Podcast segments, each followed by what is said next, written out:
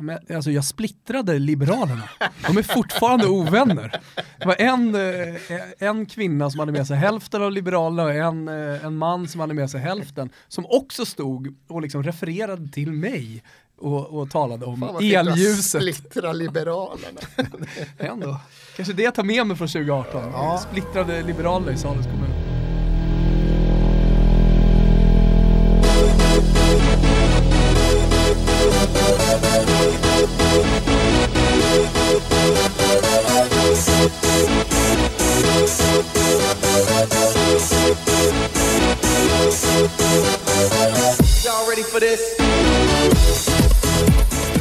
Jag vet inte om eh, producent Kim Wirsén tar med då att eh, Thomas Wilbacher alltså har splittrat Liberalerna i eh, kommunen. Men vi säger i alla fall eh, varmt välkomna tillbaka till Toto Balutto.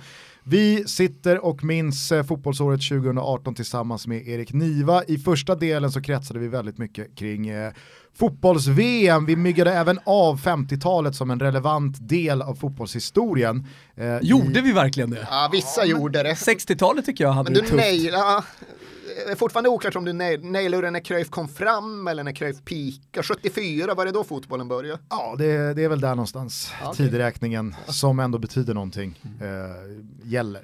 Alltså det är ju som, alltså, om vi bara kort då ska å, återgå till den här diskussionen.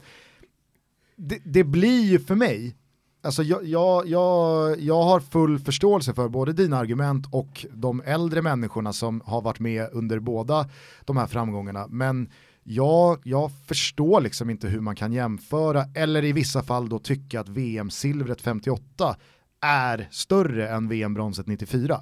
Alltså, ett silver slår ju alltid ett brons va? Det är enkel Nej men det är alltså sen, jag ska väl erkänna att jag också, för mig är väl någonstans startpunkten andra världskrigsslutet. Jag måste erkänna att jag tillbaks före det så är jag fan svag. Jag vet ju vilka som vann VM på 30-talet. men Fast eh, Svarte Filip var väl ja, Svarte ändå... Filip han måste ju med. Det var väl liksom. sent 20-tal, eh, tidigt 30-tal. Ja.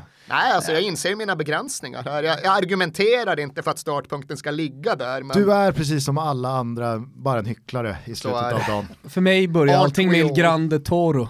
Ja, det är klart att det. Vilka år var de kraschade in i Nej, det var i slutet på, 55, 40, 58. i slutet på 40-talet. Alltså, sen så i början på 50-talet när de eh, har kraschat så tar ju Juventus över. Mm. Alltså, de var ju fullständigt överlägsna som Christian Borell eh, brukar 49? säga och han är inte ensam det bästa laget någonsin. Var det 49? Eh, ja, eftersom jag sa att det var min, eh, eh, liksom, det var där allting började. Eh, men, men då menar jag, då har jag stått eh, uppe på Superga eh, och, och minns liksom det här laget och, och så.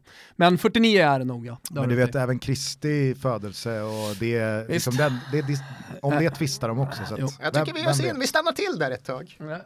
Ja men är, inte, alltså är egentligen inte, alltså det har väl slagits fast på senare år att så här, år 0 som vi räknar är egentligen år 30.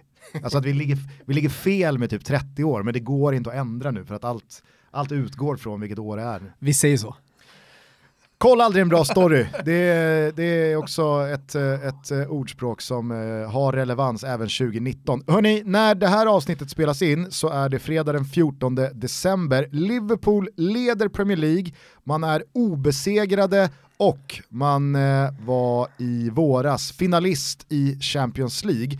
Därför tänker jag att vår första puck här i detta eh, andra avsnitt blir eh, frågan till dig Erik. Är Liverpool tillbaka som den eh, jätte man eh, trots eh, en lång, lång eh, titeltork i alla fall vad gäller tunga titlar eh, alltid har varit i folks ögon. Ex-Champions League då. Ja, exakt. Exakt, men eh, ja. Ja, men. Nej men de är ju ett steg ifrån att vara tillbaka och det är inte så jävla avancerad analys att hävda att de behöver vinna antingen Premier League eller Champions League nu också för att verkligen räknas in i den tyngsta eliten eh, på det sättet. Sen kommer de också behöva stå inför en fråga framöver om sin arena och så vidare och så vidare. Men ja, i grund och botten så är de tillbaka. De ska nu räknas in bland Europas åtta största klubbar igen för de har ett av Europas åtta bästa lag. Eh, och den kausaliteten finns det ändå någonting i. Eh, men med det sagt så är det ju inte helt jävla enkelt att faktiskt vinna titeln. Jag håller fortfarande med City som Premier League-favoriter och jag tror inte Liverpool når Champions League-final en gång till. Så de kommer ju stå där och vackla och mer definitivt än så blir inte svaret den 14 december 2018. Men har man nått en nivå som gör det rimligt att tro att Liverpool över en överskådlig framtid kommer slåss om Premier League-titeln, ja. kommer vara och hugga på Champions League-finalen. Ja, spelmässigt har de ju absolut det. De har en trupp och en första elva som inte behöver skämmas för sig vilken jämförelse vi än gör i Europa.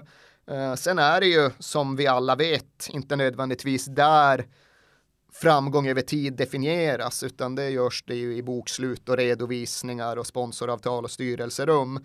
Och där är de ju inte riktigt där de andra är. Där ligger de ju ett och ett halvt steg efter de allra största och de allra mest trake-drivna klubbarna. Och det kommer ju bli nästa utmaning, för så som det nu överpresterar Jürgen Klopp, han gör laget lite bättre än vad klubben egentligen har kraft att vara. Eh, så det är ju där nästa utmaning ligger. Okej nu, Amerikastyret, vad gör ni? Bygger ni ut arenan? Eh, skapar ni nya intäktsströmmar som det ju heter? Eh, för de har ju det de har är ju att de har det globala varumärket och den globala lyskraften. Där ligger de ju inte efter. Där ligger de ju såklart fortfarande före både PSG och Man City. Men eh, vad gäller budget så gör de ju inte det. Så läget är nu att Jürgen Klopp har fört dem tillbaka på planen, men de är inte riktigt där utanför. Jag vet inte vad du säger Thomas, men jag tycker mig ha eh, liksom, landat en symbol i Liverpools eh, resa här, att för ett år sedan så lämnade Coutinho, men i år så förlängde Sadio Mané. Alltså att det någonstans har tagits ett steg som gör att Liverpool inte längre är klubben som kan nå framgångar och mm. prestera bra, men i slutet av dagen, i slutet av säsongen, så riskerar man att tappa sina bästa spelare. Ja men att eh, Liverpool har blivit en slutdestination för liksom även några av de bästa fotbollsspelarna som finns. Ja men det håller jag med om. Eh, jag tror att eh, efter att Salah varit och snurrat eh, från Chelsea till Fiorentina till Roma när han kom till Liverpool så, så kändes det väl det, så, eller känns det nu i alla fall som någon slags slutdestination även om Real Madrid är där. Eh, och, men, men det är så få klubbar numera och jag tror att det är det jag får landa i, det är så få klubbar som man kan gå till från Liverpool där man kan tjäna mer pengar och där man har chansen på att vinna fler titlar. Alltså bör, börjar man och tjä, alltså tjäna mer pengar, ja men det är PSG, det är Real Madrid, det är möjligtvis Barcelona. Ehm, ja men sen får klubbarna börja anstränga sig. Eh, för jag ser en flytt i, i, i England dessutom som ännu svårare att han skulle gå till då, Manchester City som Erik eh, säger shake-driven och har mer pengar, eh, den, den, är mer problematisk i alla fall. Ja, så, så i slutändan, Störling, ja, men var, vart, ska, vart ska spelarna gå för att tjäna mer pengar och ha större chans att vinna Champions League? Eh, men framförallt för pengarna, det, blir så, det blir så få klubbar kvar. Och det är väl någonstans också då tecknet på, eller om man ska säga, eh, det som gör att Liverpool faktiskt är där. Faktum kvarstår ju dock. Men slutdestinationen, det är ju det som är det viktiga. Och det är mång, många spelare som kommer nu till, till Liverpool nog känner det, snarare som en liten mini-trampolin upp på det sista eller på täppan så att säga. Täppan har ju blivit bredare. Nu misstänker jag att det här kan vara exakt det vi satt och pratade om i fjol. Så ni får avbryta mig om jag upprepar Folk har glömt. Ja, jag har glömt. Ja. Så det får vi väl hoppas. Men det som har hänt som jag inte, jag trodde ju någonstans att Barcelona, Man United, eh, Real Madrid skulle lösgöra sig. Jag trodde att de skulle bilda en egen liten kategori allra högst upp. Det som istället håller på att hända är ju att G14, ifall vi nu slarvigt ska sammanfatta det som sådant, håller på att någonstans eh, plana ut. Det blir liksom ett dussintal klubbar som står hyfsat nära varandra, som inte klarar av att köpa spelare från varandra än i undantagsfall, men som sen då är helt inte liksom lämna resten av fotbollsvärlden totalt bakom sig. Men det är ju någonstans grejen nu när man tittar på Champions League, när man tittar på slutspel i år, det känns som att det faktiskt finns tio klubbar som kan vinna utan att det är en superskräll. Men skulle det komma någon utanför den tio, det tiotalet eller det dussinet, det känns ju som totalt och fullständigt uteslutet. Men jag undrar bara vad, vad ni tror, eh, för att det var det jag skulle addera till eh, då eh, Liverpools plats i näringskedjan. Faktum kvarstår ju att deras mest framträdande spelare idag har hämtats från klubbar som Southampton, eh, Hoffenheim, Stoke. Roma.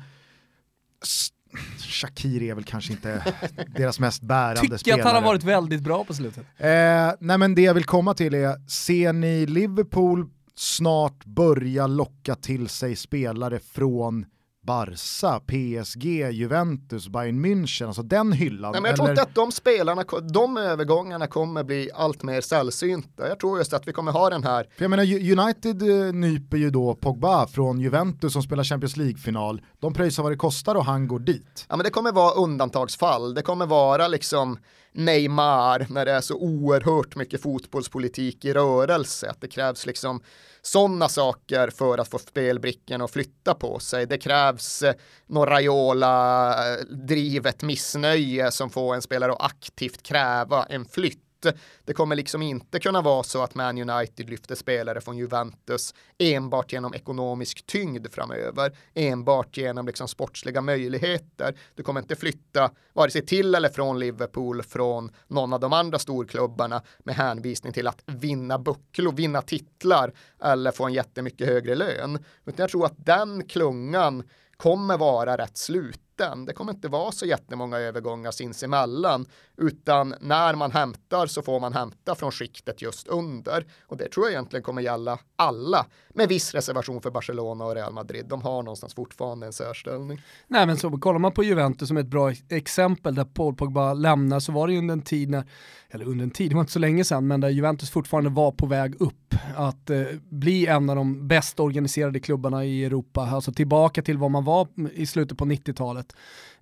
Och då ska vi komma ihåg att då gick ju Zinedine Zidane, alltså det är ju fortfarande en klubb, eh, Juventus, som ser möjlighet att göra affärer och jag tror att de kommer fortsätta att vara det. Alltså kommer det enormt mycket pengar, är det på, kan man göra en superdeal alltså, för att då förstärka laget? För det tycker jag att man har gjort med de pengar man har fått från eh, eh, Paul Pogba och man har hanterat det väldigt bra sportsligt, tagit in andra, andra spelare och hela tiden blivit bättre, då kommer man göra det. Men det, det som Erik säger, jag håller helt med, alltså det är sällsynt. Jag tror att Juventus fortfarande kan säga, sälja Dybala för 200 miljoner till Real Madrid. Självklart, det finns undantag, men, men överlag så kommer det bli allt Det kommer sällan vara mot en elitklubbs vilja.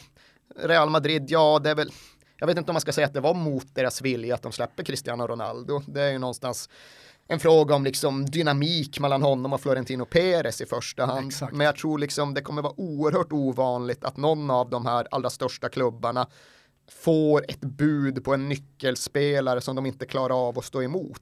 Det kommer liksom krävas att någon är jävligt missnöjd för att spelbrickorna ska komma i rörelse. Eh, du nämner att det, det finns eh, ganska, jag menar så att det, det blev inte en spets högst upp utan att det, det är ganska brett där uppe och att det finns ett tiotal dussinlag. Är det flytande eller ha, har Liverpool Får jag Eller bara säga en sak Liverpool, där, va? alltså, det, det, det, förlåt, bara kort parentes, det kan ju vara så att Liverpool känner att Salah har gjort, till exempel, Salah har gjort, eh, han, han- han har pikat i Liverpool och de har identifierat en annan spelare. Eh, vem bollade du upp som den mest intressanta här nyligen? Hazards lillebror. Torgan, Torgan. Ja, men Next att, att, big, han big mycket väl, ja, men att han mycket väl kan komma och axla den rollen och så får de 200 miljoner från Real Madrid för Salah. Alltså den typen av affärer kommer vi fortfarande se. Men hela tiden medveten, alltså från Liverpools sida då, att man förstärker laget. Sorry. Ja, nej, det är okej. Eh, det jag skulle komma till i alla fall var bara då frågan, finns det plats för hur många eh, lag och klubbar som helst uppe på toppen eller har Liverpool tagit någon, annans, någon annan klubbs plats, om du förstår vad jag menar? jag förstår absolut För att jag, är ju, jag är uppvuxen dels i en europeisk toppfotboll, men kanske framförallt engelsk toppfotboll, där det hela tiden fanns en uttalad hierarkisk ordning och där det kanske, ja, men som allra eh, tydligast fanns en tid då det inte riktigt gick att skilja United från Arsenal från Chelsea. Alltså det var några år där. Då fanns Liverpool där bakom, Tottenham var där bakom, Manchester City var ju i många, många år inte ens där. Men att man har bytt lite plats på varandra. Men nu så känns det som att alla de här sex klubbarna strävar ju mot en framtid där alla ser sig själva vara med i toppen. Finns det plats för det eller måste det finnas någon slags hierarkisk ordning och det finns inte plats för alla vid bordet? Ja, nu kommer verkligen risken att jag upprepar mig, för det här minns jag faktiskt att vi pratade om i fjol, så jag ska fatta mig kort. Det är ju det som jag ser som kanske den tydligaste grejen nu med den internationella toppfotbollens utveckling, det är ju att vindbryggan dras upp nu.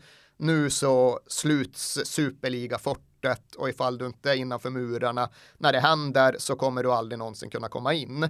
Och det är väl ett halvdussin klubbar som verkligen rusar mot den där vindbryggan nu. Tottenham börjar väl kanske snart vara på väg in dit med tanke på den nya arenan och så vidare. Roma, kanske Fiorentina, knappt knappast.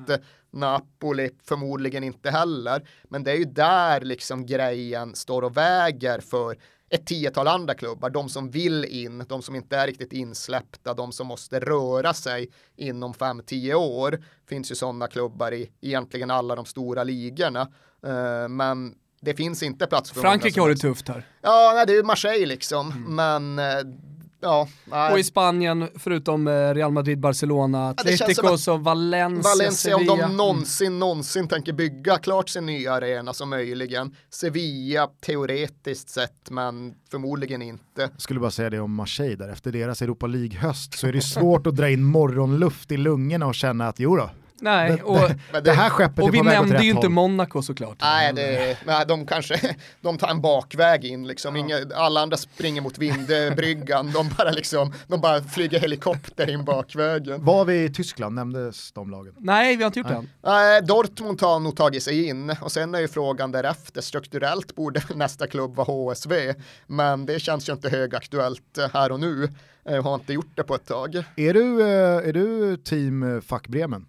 Nej för helvete, Bremen är mina boys. Ni är ju St. Pauli vet du. Ja, det, ja, det, Men du, alltså det ska vi bara säga. När var, när var du i Hamburg senast?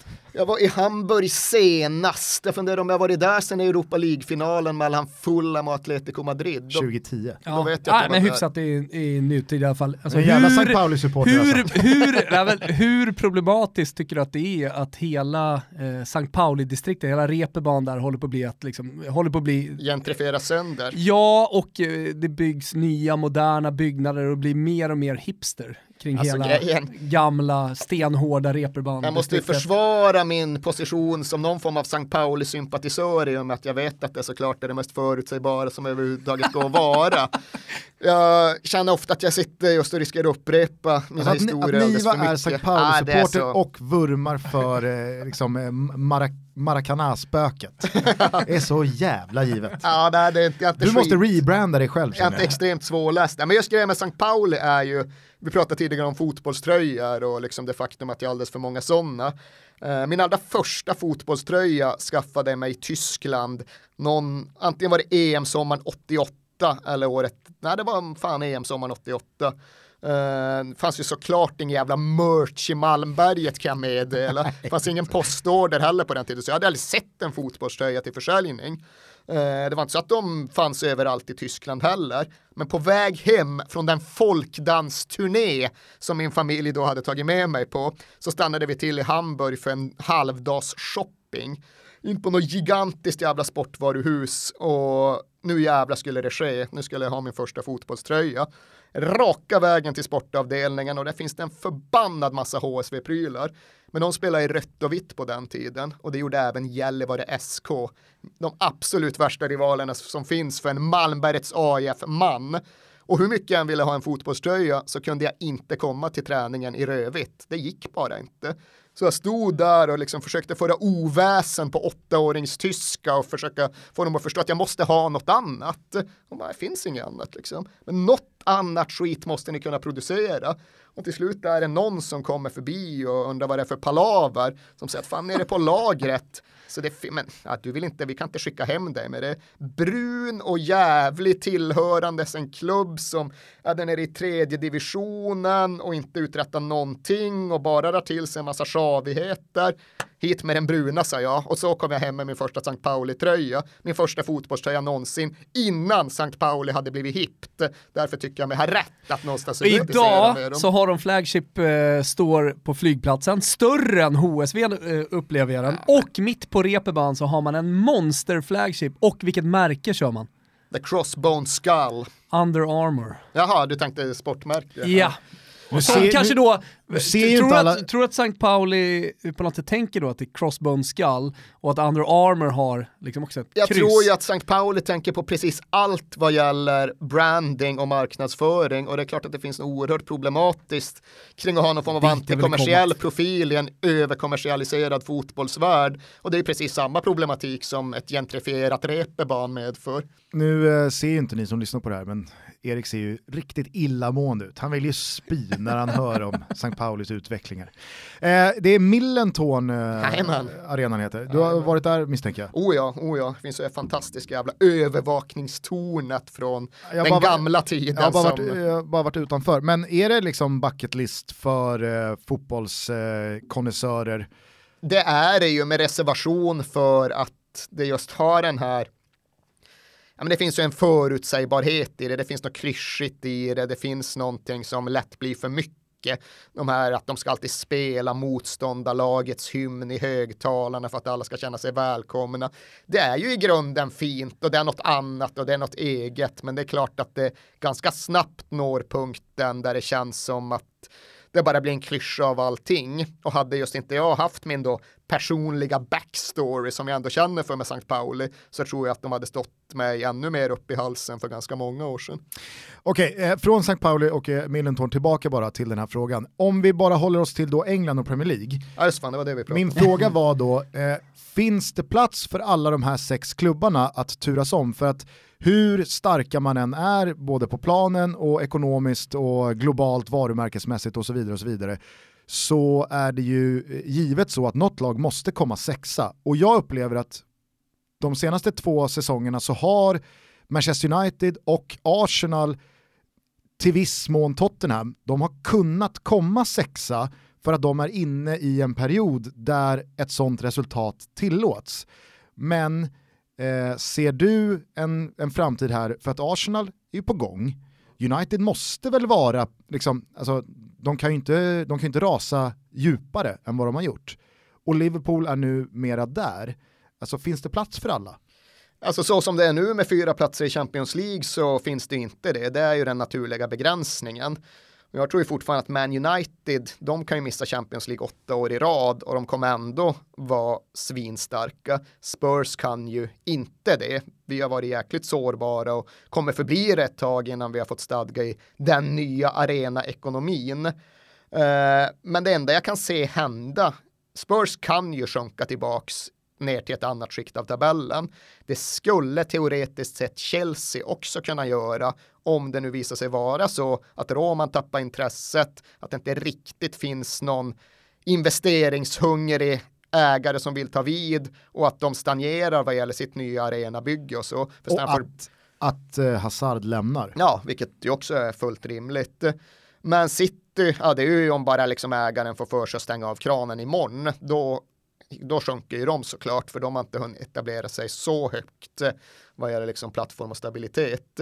Men eh, för att svara på frågan, nej, i grunden finns det inte plats i och med att Engel Champions League bara tillåter fyra lag. Det är väl det som i förlängningen kommer göra att den engelska eliten kommer acceptera att framtiden ligger någon annanstans, att framtiden ligger i den stängda, mer globala superligan där de i så fall blir inbjudna allihopa. Så som det är nu så är det ju England som bromsar för att Premier League ändå är så jävla stark och kommersiellt slagkraftig. Men förmodligen är det väl precis det som eh, i slutändan kommer få dem också med i superligabåten.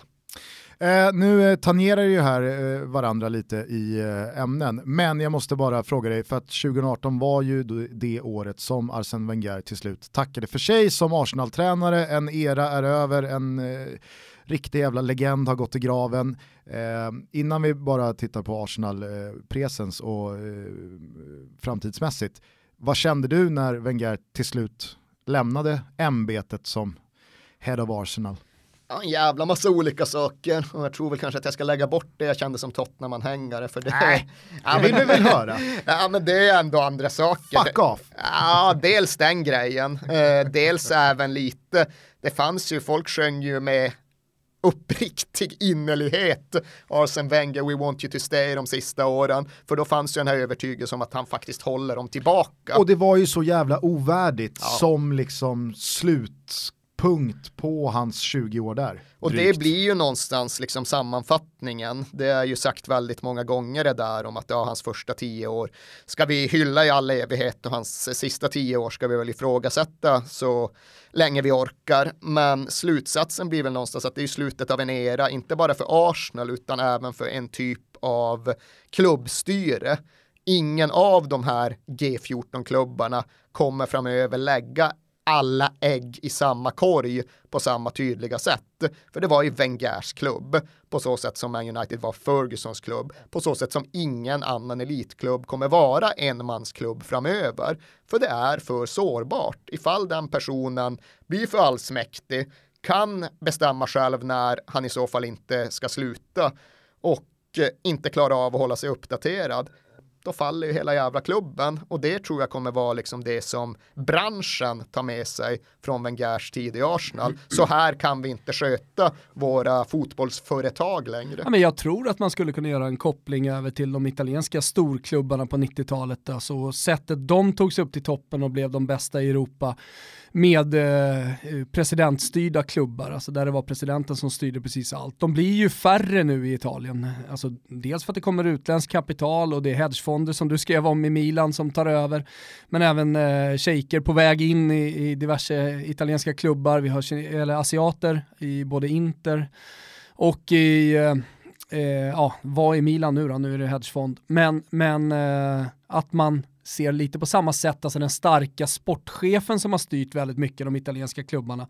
har, och, har man också frångått lite, utan nu, nu är det snarare om man kollar på Juventus så är det en stark or organisation där, där det verkligen är svårt att peka på vem är egentligen den viktigaste personen. Förut när det var eh, Modgis Juventus, ja men då var det Modgis Juventus och det var lätt att så här, ja men det är Modgi som gör det här och när han försvann då var man tvungen att bygga upp någonting annat.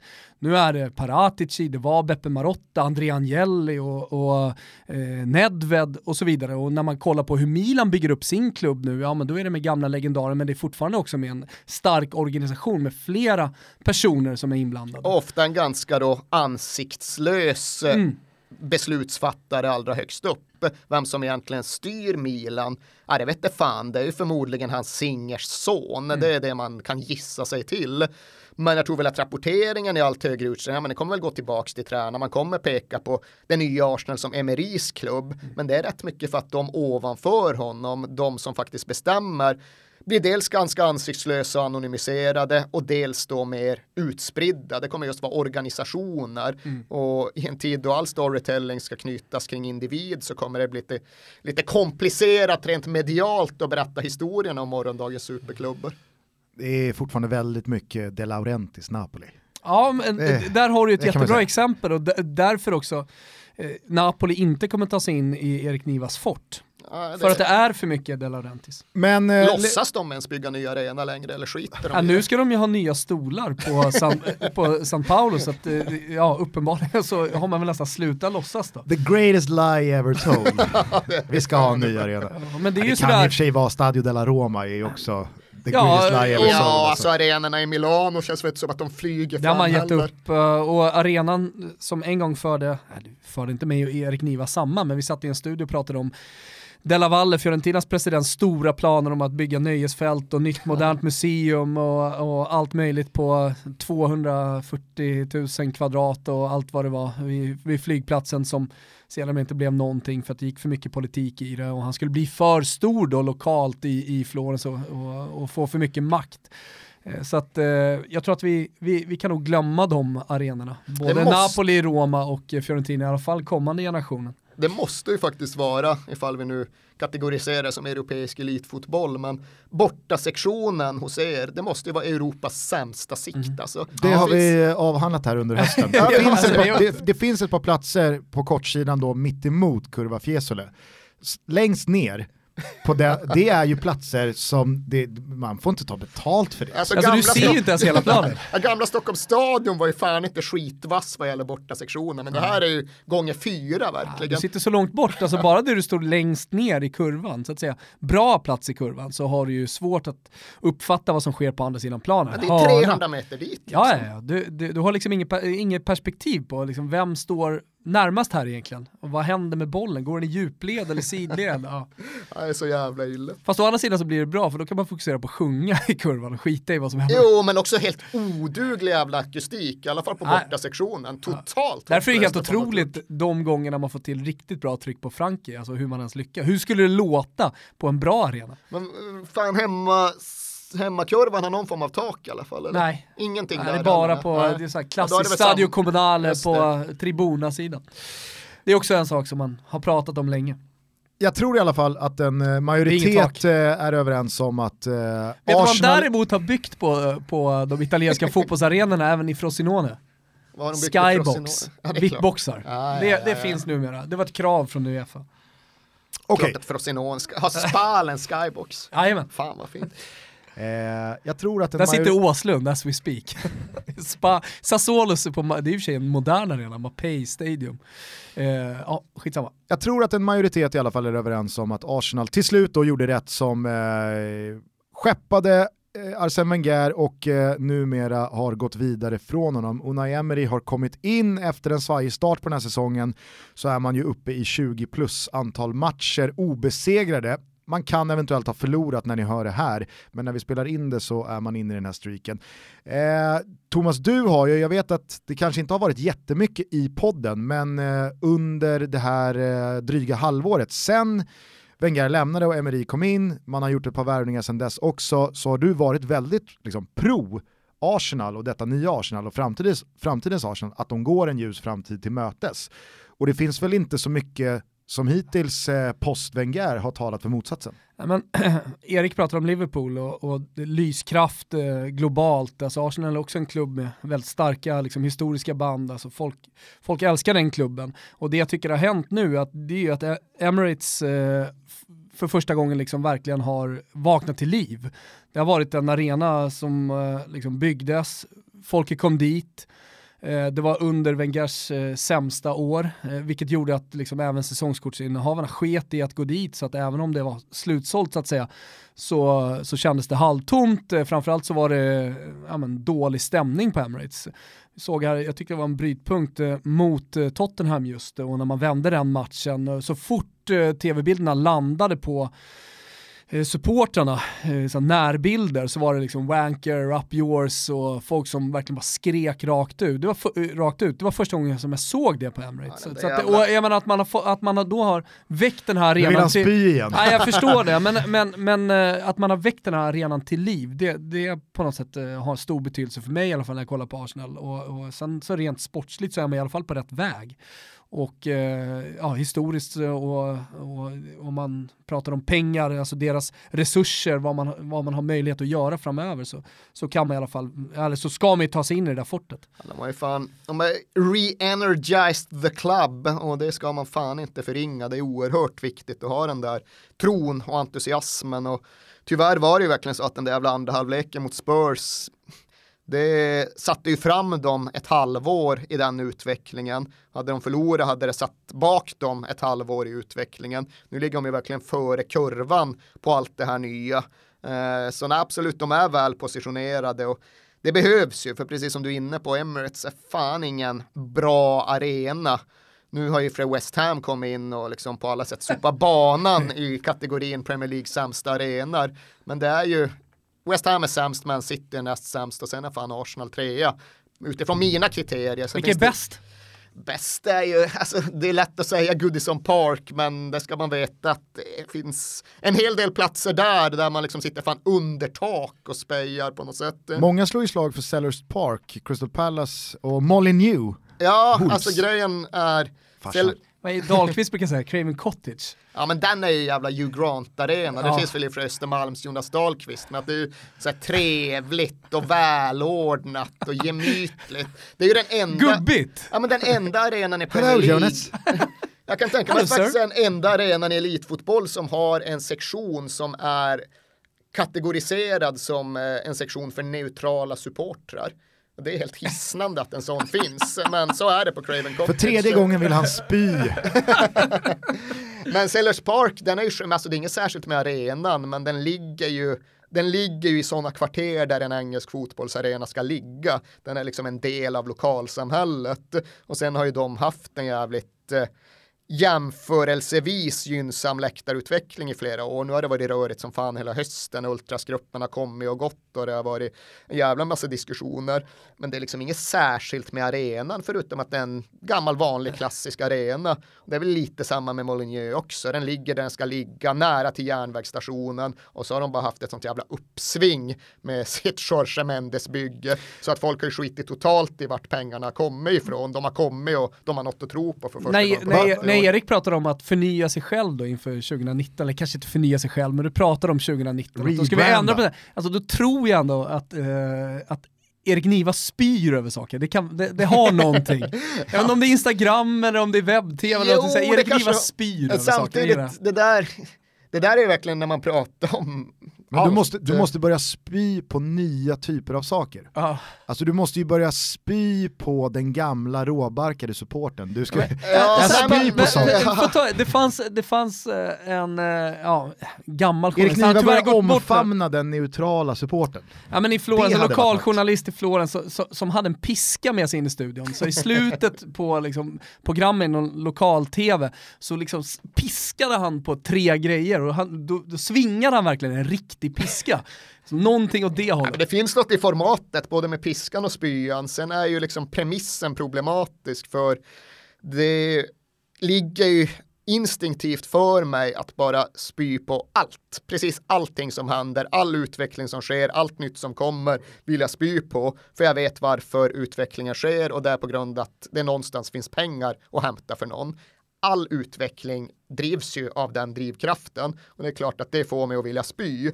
Samtidigt så måste jag liksom kämpa emot den instinkten för ger jag efter, ja men då kommer jag inte gilla fotboll längre om 18 månader. Då är det över för mig och jag tror väl inte riktigt att det är vägen för gå och gå. Jag tror inte att man liksom räddar fotbollen genom att bli så cynisk att man släpper taget om den. Så jag försöker ju någonstans alltid liksom vara rättvis och kanske till och med entusiastisk inför nyordningar och saker som dyker upp som jag inte har sett förut. Atlanta United fanns inte för 18 månader sedan, nu spelar de för 73 000. Ja men det kanske finns något i det. Ja, men det- Men som det bär emot.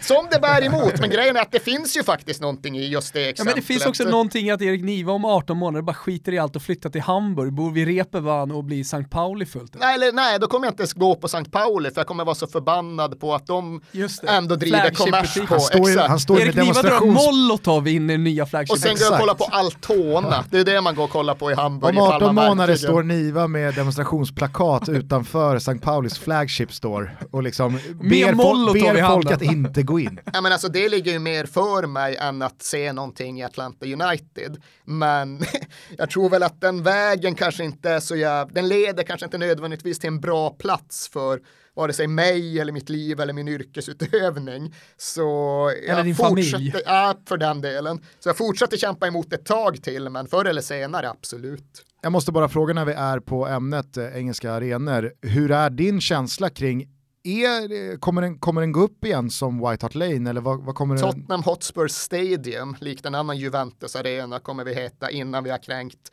namnrättigheterna till någon jävla as där ute. Okej, hur är din... Jag, jag hör ju vart det är på väg då. men Äh, Det det ändå är att Det ser ju jävligt, det ser ju jävligt fet ut måste jag säga. jag försöker ju se uppsidorna i den. Eh, jag älskar det faktum att det är på befintlig plats, att vi är kvar i Tottenham, att vi inte flyttar till någon jävla Stratford i östra London. Är det så att typ en tredjedel av arenan ligger på samma plats som Ganska White exakt, så den är byggd kant i kant kan man säga och så är den lite vriden. Så ja, ja men så kan man säga. Sen är det ju också så att det är samma arkitektfirma som ritade Emirates som verkligen har tvingats att lära sig saker av vad som gick fel där. Så mycket av det som är skit med Emirates kommer inte vara lika dåligt på den här. Vad är topp tre skitgrejerna på Emirates? på Emirates, ja, dels är det ju liksom bara hela den sterila känslan som i och för sig alltid liksom hemsöker man, jag som inte varit där, kan man koppla det till Friends? Ja, men liksom alla nybyggen de är ju dels, känns de lite själlösa från början av naturliga skäl, för de har ingen historia. Sen är de ju byggda mer utifrån någon konstig liksom biosalongs, nöjes, Heron City-princip. Och det gäller ju såväl Friends som Emirates och för den delen även Spurs nya arena. Och det är ju problematiskt. Men sen är det rent arkitektoniskt det att det är långt med engelska mått mätt från kortsidan till läktaren. Det är inte Frankie liksom, men det är ändå för långt. Det är dessutom så att det är väldigt flackt byggda läktaretage, vilket ökar känslan av att Luktar ju modern Frankie. Ja, nej men lite så faktiskt. Ja, men lite så. Uh, en modern Frankie med... Utan de riktigt usla platserna. Nej, nej, så är det ju. De är inte skit, men de är inte jättebra heller. Så det Spurs har gjort är ju då att vi bygger brantare, vi bygger närmare.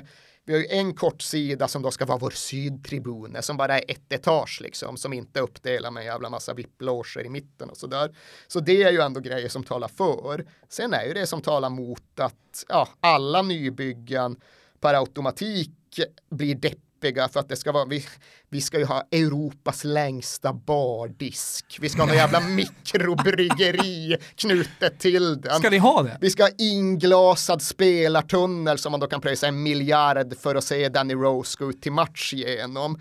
Uh, vi ska ha en massa sån där jävla skit. Vi ska ju liksom, den är ju byggd så att man ska kunna bara fälla in planen och sen veckla ut en NFL-plan. Alla jag... dimensioner är byggda så att NFL spelarbussar ska komma in. Får jag fråga, eh, för jag är bara nyfiken, alltså jag, jag, jag inser när jag hör det här att alla mina funderingar ringar kanske in hur dålig koll man egentligen har på den egentliga supporten till ett engelskt lag. Är majoriteten av Tottenham-supportrarna Eh, som du, alltså pratar om det här på samma sätt som du med ett motstånd, eller är det här någonting som möts av öppna armar, upplever du? Eh, jag tror att majoriteten pratar ungefär som jag, fast kanske inte lika jävla desillusionerat. Det finns kanske inte lika stor cynism inför mekaniken bakom.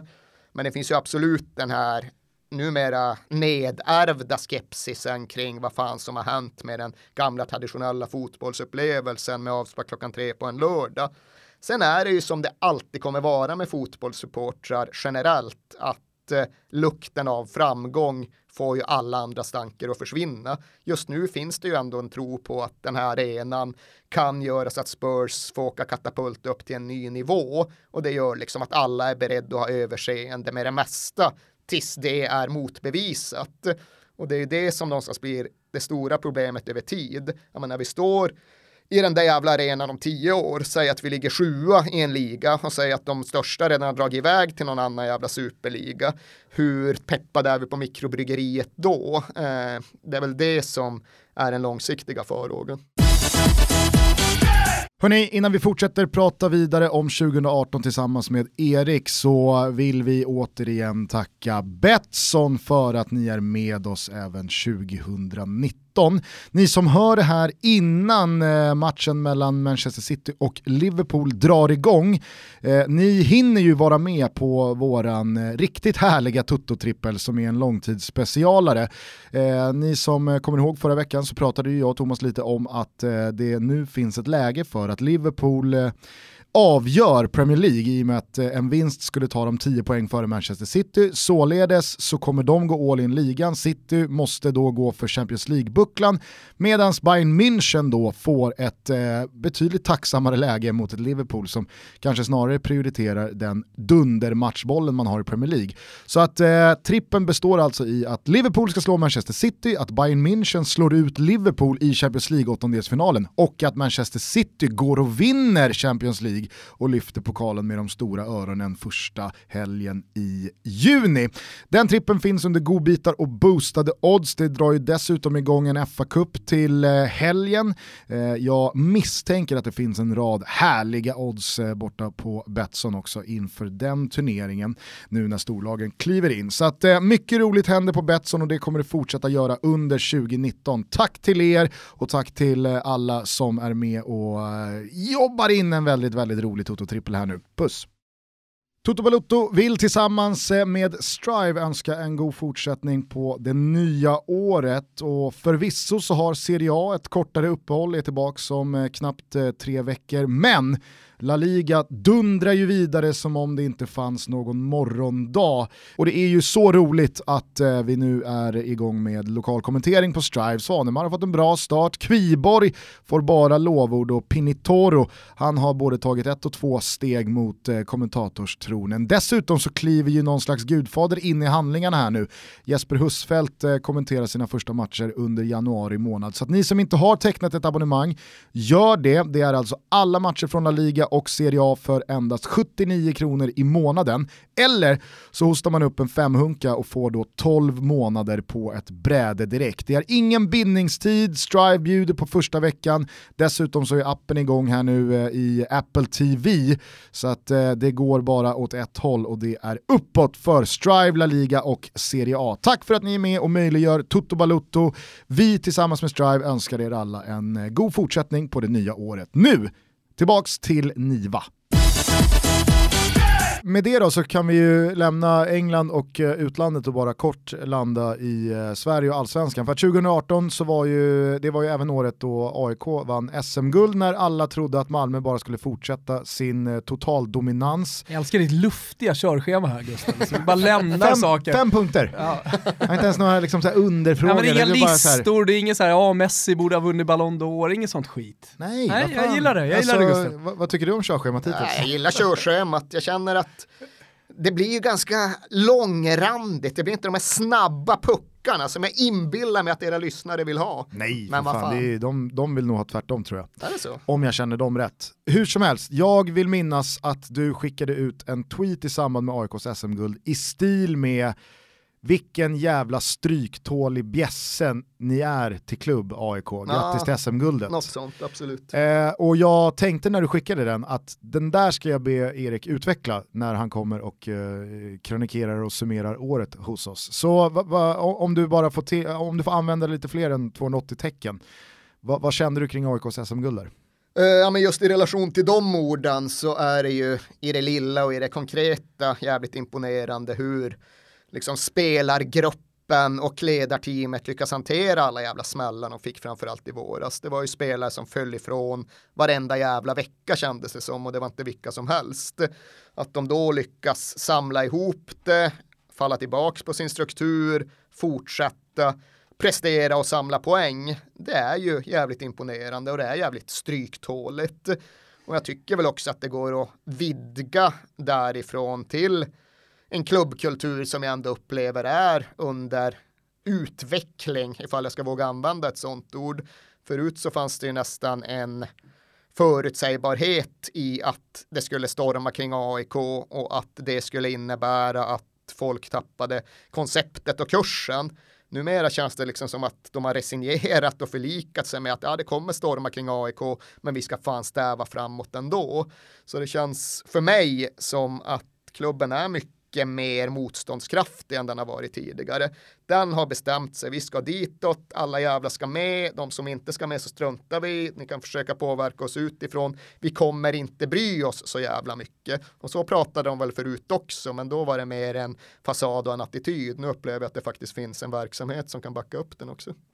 Eh, samma dag som vi eh, spelar in det här så är det dagen efter Malmö har slagit Besiktas på bortaplan och gått vidare till eh, 16-delsfinalerna i eh, Europa League och jag vet att i det avsnittet vi skickade ut tidigare under den här fredagen så menade ju Thomas på att svensk klubblagsfotboll eller svensk fotboll i stort inte har mått så här bra eh, på väldigt, väldigt länge. Vad var det du sa? Eh, Jag sa 2000-talet. Att man såväl klubb som landslagsmässigt, sportsligt, eh, mår väldigt bra och att vi Och faktiskt ska slå oss lite för bröstet. Ja, och det är utan eh, Fredrik Ljungberg, eh, Zlatan Ibrahimovic och så vidare. Ja men det köper jag. Jag fick en uppgift av dig på sms som jag vred mig kring på ett sånt sätt att jag inte ens orkade svara. jag Men det var något om att jag skulle komma med spådomar inför 2019. Nej, det var nyårslöften. Ja, som var det jag det tyckte det var? var, det, det, var, det var ett roligt liksom, formulerat ord då till det det skulle vara. Okej, ja jag vet inte fan, jag uppfattade det som spådomare, för vad fan ska jag komma med som ändå ha någon form av verkshöjd och inte bara självklarheter. Och en av de saker jag kom fram till då, det var väl just det här med 2019, 2020, alltså framåt, det kan nog verkligen bli de här åren då svensk klubblagsfotboll börjar röra på sig på ett sätt som märks och gör avtryck även i Uefa-rankings och dylikt. För jag håller med om att fan, vi är väl positionerade jämfört med hur det har varit, men än så länge har det inte hänt ett skit. Vi har väl legat 22, 23 på den där ligarankingen, jag vet inte hur många år. Och så tror jag faktiskt inte att det kommer fortsätta, så kan det inte fortsätta. För svenska klubbar borde verkligen kunna, inte bara mäta sig utan gå förbi flera av dem som fortfarande ligger framför. Jag tror nu är det så här, Vitryssland, Cypern ligger framför. Det är ju helt barockt. Det kommer förändras snabbt. Men sen står vi ju även inför ett europeiskt fotbollslandskap, och där väl spaningen kanske blir lite relevant, där det är så jävla många andra som är på väg att falla ifrån totalt, som är på väg att falla bort från kartan. Hela öst, inklusive mm. Sydostas, eh, Sydostasien, inklusive sydöstra Europa, Balkan. Du kan mer eller mindre räkna bort det på en klubblagskarta framöver. Ta bort Ryssland, du hittar inte ett publiksnitt över 10 000 i hela Östeuropa om man pratar ligor generellt. Och det är klart att det kommer, Sverige kommer ju ligga 10 000 plus tror jag framöver i allsvenska publiksnitt. Tjeckien ligger väl på 5 000.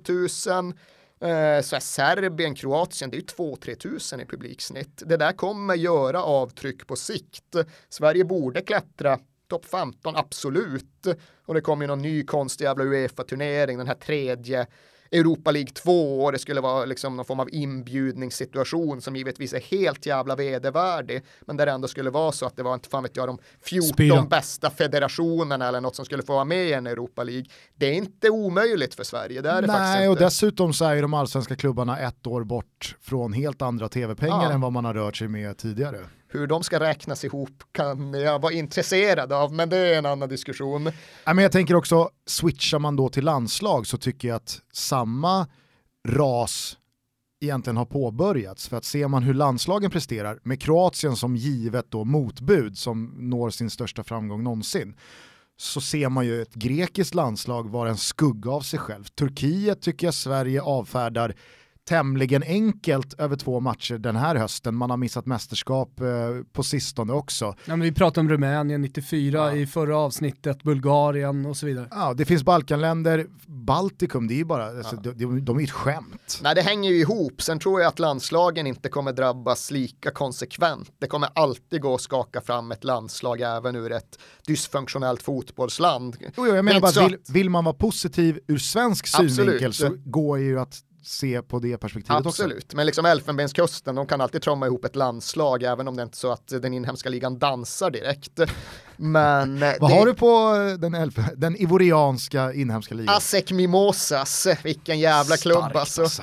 Vilken jävla klubb, vilken akademiverksamhet, vilka lirare de har fått fram. Uh, nej men jag tror att det kommer liksom slå lite olika vad gäller landslag. Helt plötsligt får så Slovakien fram en generation som de är på väg att få fram nu som kommer göra att de står sig bra, även om Lobotka då förmodligen går från Celta till PSV eller PSG eller något i den stilen. Men slovakiska ligan, herregud liksom. Alltså det är så deppigt i Östeuropa så det liknar ingenting och jag är ju ändå vän av Östeuropa både fotbollsmässigt och i övrigt. Så det är så jävla deppigt att tvingas konstatera att liksom snittpubliken, ja men det är 1400 åskådare på ligamatcher med etablerade klubbar i de här länderna. Det har man väl förstått också här under den här hösten när Röda Stjärnan har varit i Champions League att det är inte riktigt så där det ser ut under ligaspelet som eh, liksom Maracana kallas det va? Ja. Eh, har fyllts upp när Nej, Napoli, Liverpool och PSG kommit på besök utan det är snarare så här att ja, vanligtvis är det 4000 personer. Ja, ja om ens det, alltså jag ja. var på en partisanmatch, det var fler poliser än vad det var åskådare. Inte ens derbyna lyfte. Jag Nej, jag åker ut på landsbygden. 15 000 på derbyt senast. Liksom. Ser du toppklubbar där, alltså Vojvodina och så vidare. Alltså det, det, det är potatisåkrar mer eller mindre. Så, och Vojvodina är ändå en stor klubb i sammanhang och vi Söder. Ja, men jag tror att det som, det som kommer ske är väl att det kommer bli ett nytt mellanskikt med europeiska ligor från liksom väst och nordeuropeiska länder med hyfsat starka och fungerande fotbollsekonomier. Sverige kommer liksom ligga, inte topp 10, men någonstans mellan 10-15 med att konkurrera med Schweiz och Österrike och Belgien. Och det är ju liga nationer som nu är mycket högre rankade än Sverige, så borde det inte behöva vara. Vi ska ju liksom bara susa förbi Vitryssland och i förlängningen även Tjeckien och så. Men sen kommer vi väl hamna just i någon konkurrens med ungefär den typen av nationer. Och det kommer ha sina nackdelar och sina problem, men det kommer vara mycket bättre positionering än vi har haft på ja, sen Bosman liksom.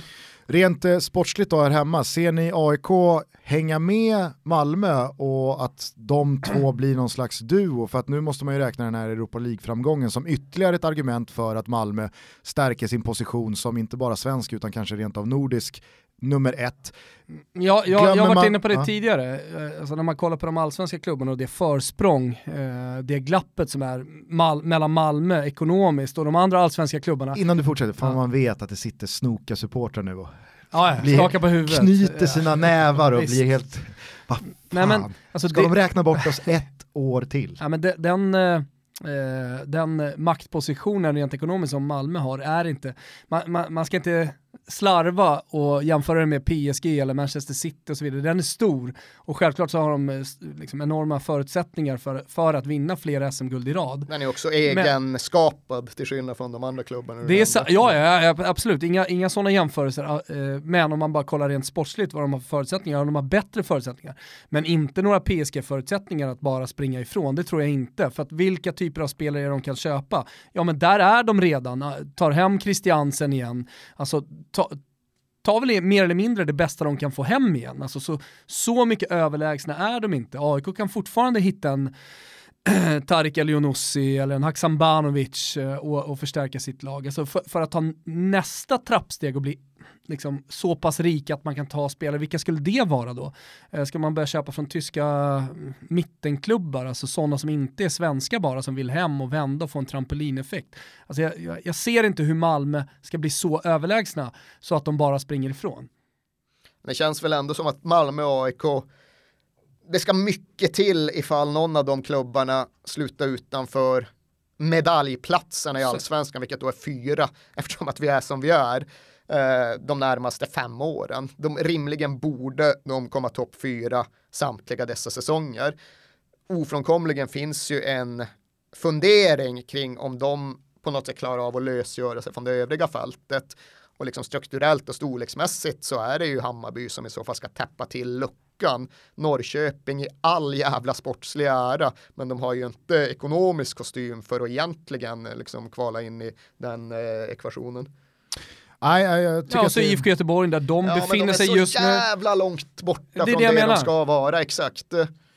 Djurgården har väl eh, ändå Ja, de har ju alltså, pengar både nu, pengar, så. namn, historia Ja. och ambition att ändå försöka hänga med. Absolut, de ska ju såklart vägas in, men deras position precis just här och nu är ju en bit därifrån. Bara eh, kort, eh, jag hörde en eh, intervju med eh, Björn Westström hos Mårten Bergman för någon månad sedan där han sa att Kristoffer Olsson är den bästa spelaren han har upplevt under sin tid i AIK. Är Kristoffer Olsson för dig Sveriges nästa stora spelare som man ändå får säga under 2018 har fått sitt definitiva genombrott? Jag tror ju tyvärr inte att Kristoffer Olsson kommer spela kvartsfinal i Champions League framöver. Jag tror inte riktigt att han mäktar med att ta sig till den nivån. Hoppas givetvis att jag har fel, men det blir ju någonstans en där diskussion att ja, med sitt sätt att spela så sticker han ut så jävla mycket i allsvenskan med liksom sin bolltrygghet, med sin förmåga att se spel och stå för olika typer av passningsspel. Nere på kontinenten så finns det ju väldigt många fler av den typen. Eh, så jag tror ju att det är lång väg kvar för honom när han spelar i Victor Lindelöfs Man United eller Robin Olsens Roma eller något i den stilen. Jag tror väl att han landar ett steg lägre än så på sin karriärsklättring. Pratade med honom själv för någon månad sedan och då satt vi bara och liksom bollade någon form av hypoteser av oklar anledning. Och då sa jag liksom att ja, vad fan om jag kommer och hälsa på dig om två år i Sevilla, hur ser läget ut då? Han bara, oh, Sevilla, oh jävlar, oh, oh. ja tackar tackar. Så det var inte så att han heller tänkte Man United med sitt nästa steg, utan skulle han nå Sevilla så är nog både jag och Kristoffer väldigt nöjda. Vi ska börja avsluta och eh, runda av, men som eh, Niva har eh, bara hintat lite om så bad jag er två att plocka ut så kallade nyårslöften här. För nu skriver vi 2019 i kalendern. Är det någonting som ni lovar eh, händer under fotbollsåret 2019? Äh, lovar händer, alltså jag tror att... Eh, jag hösten... vet att det inte nej, går att nej, lova, men, nej, spela nej, med för fan. Ja, nej men alltså det är väl mer eh, så som jag tagit fram det. Nej, men alltså, jag tror att eh, liksom, när vi sitter här om ett år igen så kommer eh, liksom, eh, en stor del av månaden som har förgått det, eller som har varit innan det avsnittet eh, har präglats väldigt mycket av att Zlatan har slutat spela fotboll. Så att det, det, liksom hans avsked kommer eh, på många sätt eh, eh vara det man eh, liksom går i mål 2019 med. Så det, det, det, skulle jag nog vilja lova händer. Ja, det kan nog vara högst giltigt. Jag funderade faktiskt på det för några dagar sedan och jag tänkte, fan är det så att han fyller 39 nästa år? I han så fall kommer han, exakt, han fyller 38.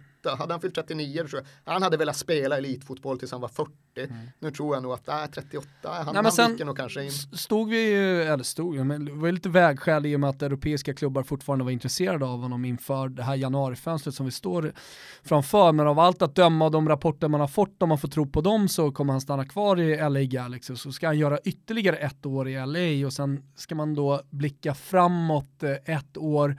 Jaha, ska han signa för Ska han spela då så att det blir hans tredje säsong i LA Galaxy? Eller ska europeiska klubbar av Milan-mått mätt vara intresserade? Det, det, har jag väldigt svårt att se. Och att han ska vara motiverad och så här, det, det, här, nu går tåget. Antingen så går han till Europa nu i januari, så gör han inte det. Och då ser jag det som att det måste bli sista säsongen som han spelar fotboll. Så du lovar att Zlatan Ibrahimovic hänger upp eh, skorna i björken? Japp. Vad, vad lovar du? Palmen blir det då eftersom det är Cali. Ska jag då ha en lång brasklapp om att man inte kan lova saker? Nej. Du lovar? ja, vad fan.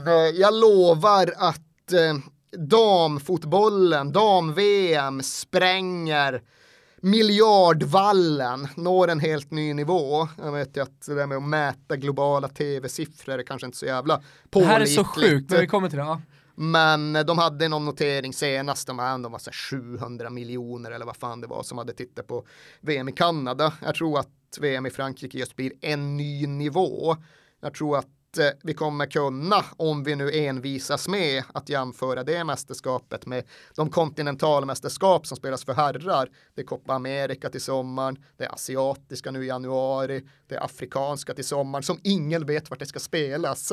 Det är också jävla fantastiskt. Men jag tror att de faktiskt kommer både liksom krympa och drunkna i ljuset av dam-VM. Jag tror att det kommer just kännas som en typ av genombrottsturnering för damfotbollen upp på en helt ny nivå. Sen riskerar det att vara lite förrädiskt, för även om jag är övertygad, jag lovar att mästerskapet kommer bli enormt eh, på någon form av global skala, så är problemet fortfarande att vardagen ja, vardagen har sin lunk och den är rätt deppig det finns ju liksom ingen, vi pratar om här snitt i Östeuropa, finns ju fan inte en damförening i eh, det finns inte en damliga i Europa tror jag med snitt över tusen. Kanske engelska ligger just över tusen. Men Piteå är ju typ störst i Europa med sitt publiksnitt på drygt två. Eller vad Fan, Norrland går i bräschen för damhockeyn där Luleå har eh, flera tusen. Vi är kända match. för vårt jävla framåtskridande visionära. Men här kommer tänk. vi Gusten bara till min nästa, ja, för det hänger ihop. Innan, innan du får dra den så vill jag bara säga att jag tror faktiskt att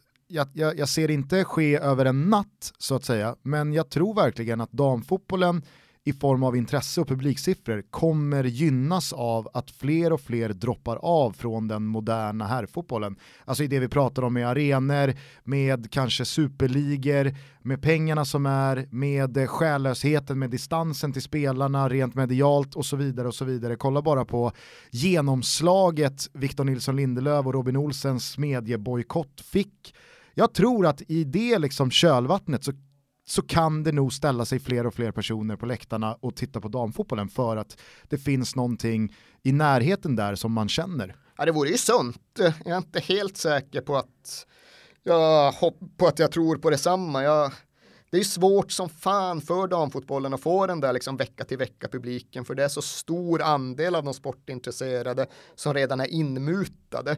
Det är bara liksom se på sig själv och folk i min närhet. Det är inte så att folk generellt, ah, fan jag konsumerar för lite sport, jag behöver en ny klubb i min vardag som jag tänker följa varje jävla vecka. Utan de flesta som är intresserade är ju i hög utsträckning redan uppbokade. Sen är det klart att det kommer nya generationer och man hoppas att det förändras, men jag befarar ändå att storleken i VM som jag är övertygad om att det kommer bli kommer vara i oerhört stark kontrast till hur lågglamorös veckovardagen fortfarande är för de som deltar där. Mm. Ja, med andra Mitt nästa löfte, 6 april, då fylls eh, Friends Arena till bredden. Ja, det är Tysklandsmatchen. Mm, då spelar Sverige något slags genrep, eller ett rep i alla fall inför VM. Jag har sett att du har missionerat för detta. Ja, jag har missionerat för detta och kommer fortsätta missionera, men jag tror verkligen att, eh, eh att eh, vi kommer fylla Friends Arena då. Och det, det, är fler som kommer missionera för detta. Och jag tror att eh, Alltså, jag tror också, precis som Erik säger, att det blir väldigt svårt eh, att få vardagen, damfotbollen, klubblagsfotbollen att liksom, eh, lyfta snabbt, utan eh, det måste någonstans ske organiskt och då måste många krafter arbeta tillsammans för att det ska ske. Men i en sån här match, i ett specifikt tillfälle, eh, så tror jag absolut att vi kan fylla Friends Arena och jag tror att det också kan hjälpa damfotbollen även i vardagen att få fler människor att gå. Och jag tror att det här måste ske också någonstans ifrån ungdomsklubbarna och att man måste bygga den här generationen som Erik pratar om eh, redan nu. Eh, det är lite som när AIK hade haft i en generation eller flera generationer en helt tom läktarsektion, det vill säga södra läktaren på Råsunda. Och kom man på att fan vänta här nu, ska vi inte bara liksom, bjuda in folk, ska vi inte bara trycka in barn och ungdomar där så föder vi nya aik så Fritt liksom inträde med Sankt Erikskuppskortet. Ja men exakt, eh, men, men då måste man också jobba för det. Eh, man måste jobba varje dag för det och det krävs, det krävs eldsjälar, det krävs pengar, det krävs eh, engagemang. Eh, men jag tror att det här skulle kunna vara ett, något slags startskott. Jag drömmer i alla fall om det, det eh, och tänker det. Mm. Det är ju något med just kontrasten mellan europeisk och amerikansk idrottstradition här. För just i Europa, vi har ju kämpat med det här i fan årtionden och det är svårt att få folk i massor och driver och gå kontinuerligt på damfotboll för att det finns så många andra traditionella hierarkier redan inmutade. Och sen kollar man på USA, ja, fan Portland Thorns, jag tror de har 25 000 i snitt på sina dammatcher. Och ja, i någon mån växer det väl fram organiskt för att Portland är den typen av stad där det ändå finns någon form av eh, välvilja gentemot grejen från första början. Men ändå är det Dontibed, det nybyggadet. Ja, men nu börjar vi här, alla på tåget, okej, okay, kör vi, 25 000 nästa vecka. Och det går att problematisera, men det finns ju också något rätt hoppfullt i det. Ja, och det går ju också att liksom spela ut collegekortet för att också understryka och bevisa att det handlar ju inte om eh, liksom någon slags sportslig steg i var befinner man sig. Det är ju mer eller mindre någon slags här, ja, icke-tabell som finns, utan det är bara här ska man gå och stötta och då gör man det. Nej, men sen, jag bara, sen jag tror jag också ja. att det finns en, att, att svenskar är mottagliga för att gå på damfotboll också. Eh, man ska inte jämföra för mycket med, med eh, den supporterkultur som finns eh, inom herrfotbollen. Dit, tror jag aldrig vi kommer, eller dit kommer vi aldrig komma, det kan jag lova redan nu, eh, inom damfotbollen med kortsidor och med ultrastraditionen och så vidare. Eh, däremot så tror jag att man kan, man kan hitta någonting annat när man går på damfotbollen som man tycker eh, är, är liksom roligt. Att lämna hemmet, att spendera tre timmar, eh, vad det liksom tar att åka till en arena, gå på fotbollen. för att annars annars skulle, någonstans så tänker jag liksom, annars, annars skulle inte eh, Holmenkollen vara full för att kolla på eh, längdskidor. Alltså det finns ett genuint sportintresse. Fullt medveten såklart om att eh, konkurrensen är stor, andra idrotter, fotbollen generellt sett. Men, men jag tror ändå att man, vi kan hitta dit. Men då, då, ja, då, då, krävs det att man börjar någonstans också. Men eh, 6 eh, april kanske kommer vi komma ihåg det som då någon slags startskott. Jag är bara nyfiken, vad finns det för fler rep än genrep? Äh, vanligt rep. alltså du repar källan. Alltså Erik okay, han har ju varit på ja. rep eh, nere i källokalen, sen har du ett genrep, det är generalrepetitionen, det är innan ja, Exakt, då kopierar man ju föreställningen, ja, då kör Fattar man du hur många rep Erik har varit på, men hur, många, hur få genrep han har varit på? Helt korrekt faktiskt, jag tror fan inte jag varit på ett jävla genrep, men jävlar vad jag hängt i replokaler, ja. druckit folköl och spelat dåligt slapp punkgitarr. Eh, har Erik Niva något ytterligare löfte? Uh, vad fan hade jag då? Just det, jag hade redan bränt av mitt löfte att Sverige skulle avancera på Uefa-rankingen. Ja, men jag har ett löfte, just det, om uh, två spelare som jag tror, som jag ska inte säga att jag tycker att de borde, jag måste lova. Så jag lovar att de då ska etablera sig, inte bara i A-landslagstruppen utan nära startelvan. Två spelare som inte var med i den senaste truppen, vilka tänker jag på då? Eh, jag vill hoppas och tro att eh, en av dem är Sam Larsson. Fel. Två Nej, spelare li- som etablerar sig i startelvan i Nej, svenska landslaget. Marcus. Antonsson. Nej. Alltså, det, det garvar vi inte bort. Marcus Nej, Antonsson, inte. han en ska, dag han, som ska, denna. han ska vi jobba in i, i landslaget. En Nej, av men- dem har i alla fall varit med en del i truppdiskussionen. En av dem är fan knappt ens med i snacken numera. Men han, eh, Asoro. Nej, inte, Nej. inte han heller. Var tungt nu för Potter helt plötsligt. Ja, Potter och Benzema. Potter svenska, men är för självklar. Mm. Eh, Kristoffer Petersson, Nej. nej det är inte det. Ja, men herregud. Helvete vad bortgjord man, man En anfallare och en innermittfältare. Är det Carlos Strandberg? Nej. Ja, fan, jag Och en innermittfältare. Aha. Och det är då, ja, Kristoffer Olsson var ju, han var ju med sist. Nej. Nej. Jag kan börja med anfallen för den är ändå lite mer, den har det ju varit en del snack om. Jag tror verkligen att Mikael Ishak kommer vara bofast i en A-landslagstrupp för jag tycker att hans kvalitet är så pass stor att det är en no-brainer liksom. Han ska in och han kommer göra det tillräckligt bra för att äta sig kvar där. Han kan absolut även vara en startman på lite sikt.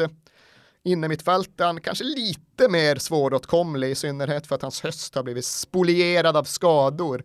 Men Abdulrahman Khalili går ju trots skador jävligt bra nere i Turkiet. Hans Kasim Pasa susar mot Champions League. Han avgjorde typ seriepremiären med en jävla drömfrispark i slutminut. Sen drog han baksidan och har varit borta mycket. Men det spel som jag upplever att han har i sig, den här liksom kombinationen av både någon form av Janne Andersson-kompatibel svensk modell och ett mer internationellt passningsspel, korta passningsspelet, långa passningsspel i distansskyttet. Klart han ska in och testas i en trupp och därifrån så tror jag han skulle göra det bra. Helvete vad imponerad det blir om du får rätt i båda de här fallen. Eh, Mikael Du skakar Ishak, på huvudet. ja men alltså, Om Khalili ska Abbe sägas. Khalili, nej. Det är, För att Nej, jag, jag, alltså så här, jag vill absolut eh, inte eh, slasha någon för hårt här och jag ska direkt säga att jag har inte sett Abbe Khalili spela fotboll på två år. Så att det kanske har hänt jättemycket där. Jag, jag, jag vet bara att min sammantagna bild av alla de gånger jag har sett Abbe Khalili spela fotboll så är det liksom, nej. Det är här, i, i denna kropp bor inte en Jag säger inte emot i alla fall. Ja, men jag tror jävligt mycket på Kristoffer Olsson framöver. Det är någonting med hans jävla vridningar och vändningar med kroppen som jag tycker, vi pratar om unika fotbollsspelare, ska absolut inte jämföra honom med- med de stora spelarna vi pratade om tidigare, men i svenskt mått mätt eh, så, fan det är någonting. Ja, det- Kanske även internationellt, att han håller på och vänder och vrider på överkroppen som han gör. internationellt Det är liksom- tycker jag ändå det går att hitta ganska många parallellspelare, men med svensk så Absolut, sticker han men ut. ja, Vet, vet du vad jag lovar? Nej. Jag lovar att eh, Ludvig Augustinsson blir nästa svensk eh, tillhörande en av de riktigt stora klubbarna och att det sker i sommar. Ja, det är för att du är anti-Bremen av någon anledning. Nej men alltså Varför jag, är du det för att? Det tappar jag bara nej, men vi, Nej, vi- vi är HSV. Jaha, jävla, ja det kan man ju. Stenhårda Rent ideologiskt Du, ser jag ju miss, varför du, det du blir missade så. så. halsduken som är uppspikad här ovanför studion. Ja, det, den- det står bara fuck Bremen. Så Bremen har ju en, en ideologiskt driven kurva på ett sätt som inte är så jävla vanligt i, i dagens elitfotboll. Vi ska väl ärligt säga att vi sällan gör jobbet så grundligt som du gör eh, när man då tar ställning Gusten hittade en halsduk det första han gjorde i Hamburg där det stod 'fuck Bremen' Jag tyckte på. det var- jag Efter tyckte- det så blev det så. Jag tyckte det var härligt med liksom en, en rak Du gillade passning. liksom kommunikationen. Det var tydligt. Fuck det var tydligt. Bremen. Fuck Bremen, Jag då såg- fattar man, okej. Frankfurt igår, jag såg att du noterade just när jag twittrade ut om hur jävla många de alltid är på Europa borta matcherna. Men de hade ju mer eller mer, jag tror att de fick 5800 biljetter officiellt, sen tog de ju 5000 till på intilliggande sektioner. Men om det var så att alla de 5800 som faktiskt gick in på Hamburg eller på Frankfurt-sektionen fick halsduken Lazio Merda. Bara för att liksom, tydlig rak kommunikation. Jag, jag tänkte igår kväll, när jag, låg och, eller när jag låg och skulle somna, så tänkte jag, undra om det har att göra med att Frankfurt, Frankfurt Hahn är en så jävla stor flygplats och det är så enkelt att hitta billiga flyg runt om i Europa. Och det är därför de åker så Ja men det är en del av deras så international tradition som de är så jävla stolta över. Det har att göra med att ja, men vi är en knutpunktstad, vi ska minsann ut i världen.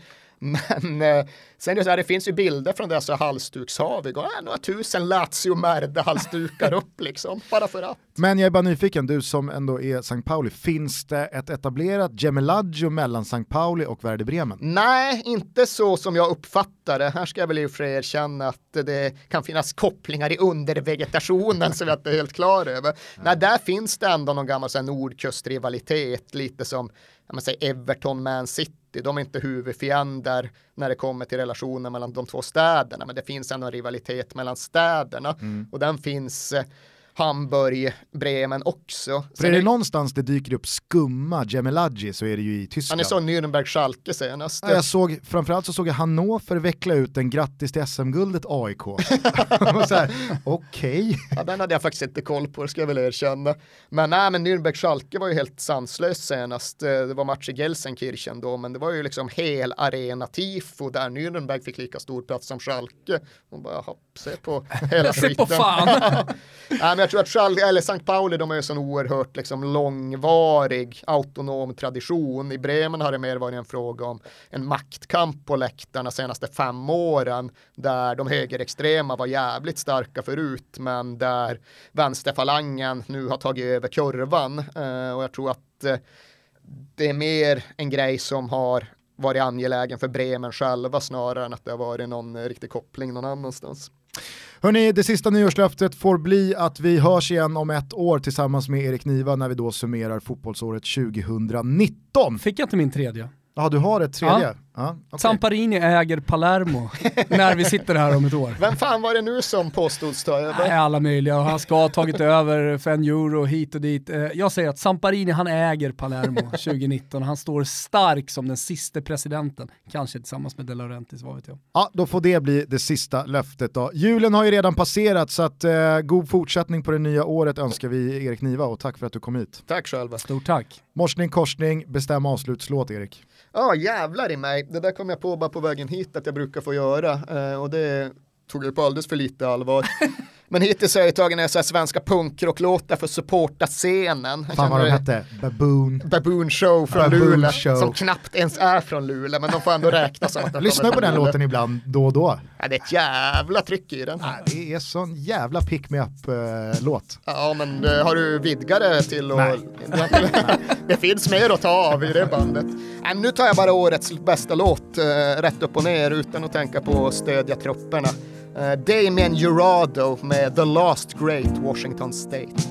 Ciao tutti! Ciao tutti! Never be sorry for the lack of response. Your hand on my arm before we were lost. The horizon just laughed to see us fall off. Your face in a jar I constantly drive. You have him now, but I'll have you later. The phone is a gossip, the clock is a murder, my time is her burden, your voice is a slumber. How long have we been here? I can't quite remember my name.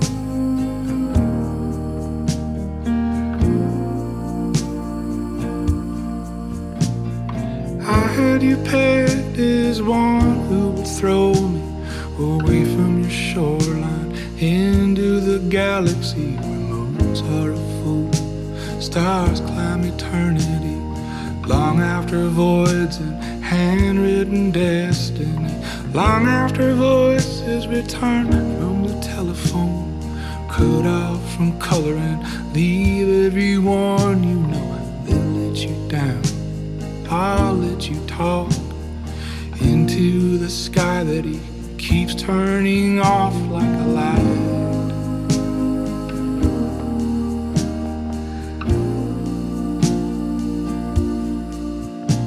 Praises fall short from the hands of the choir, who all stand in judgment and funerals pie.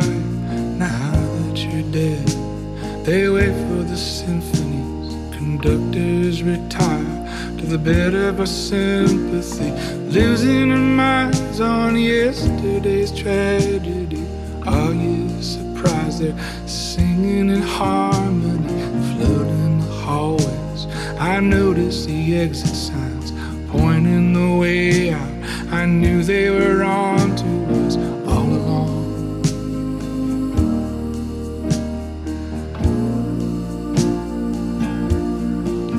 Your suitcase fits well in the room you are living in. Quick to leave town, is it how you've imagined it? Alone with your ghost and the question mark protagonist, leaving you in deserts in search for the answers to all of the questions that lead to more questions. Afraid to stand up or lose your salvation. They all change the station. The story hits home too close for their liking. Stick to the script where your lovers are dying. Bored and annoyed, you're not even trying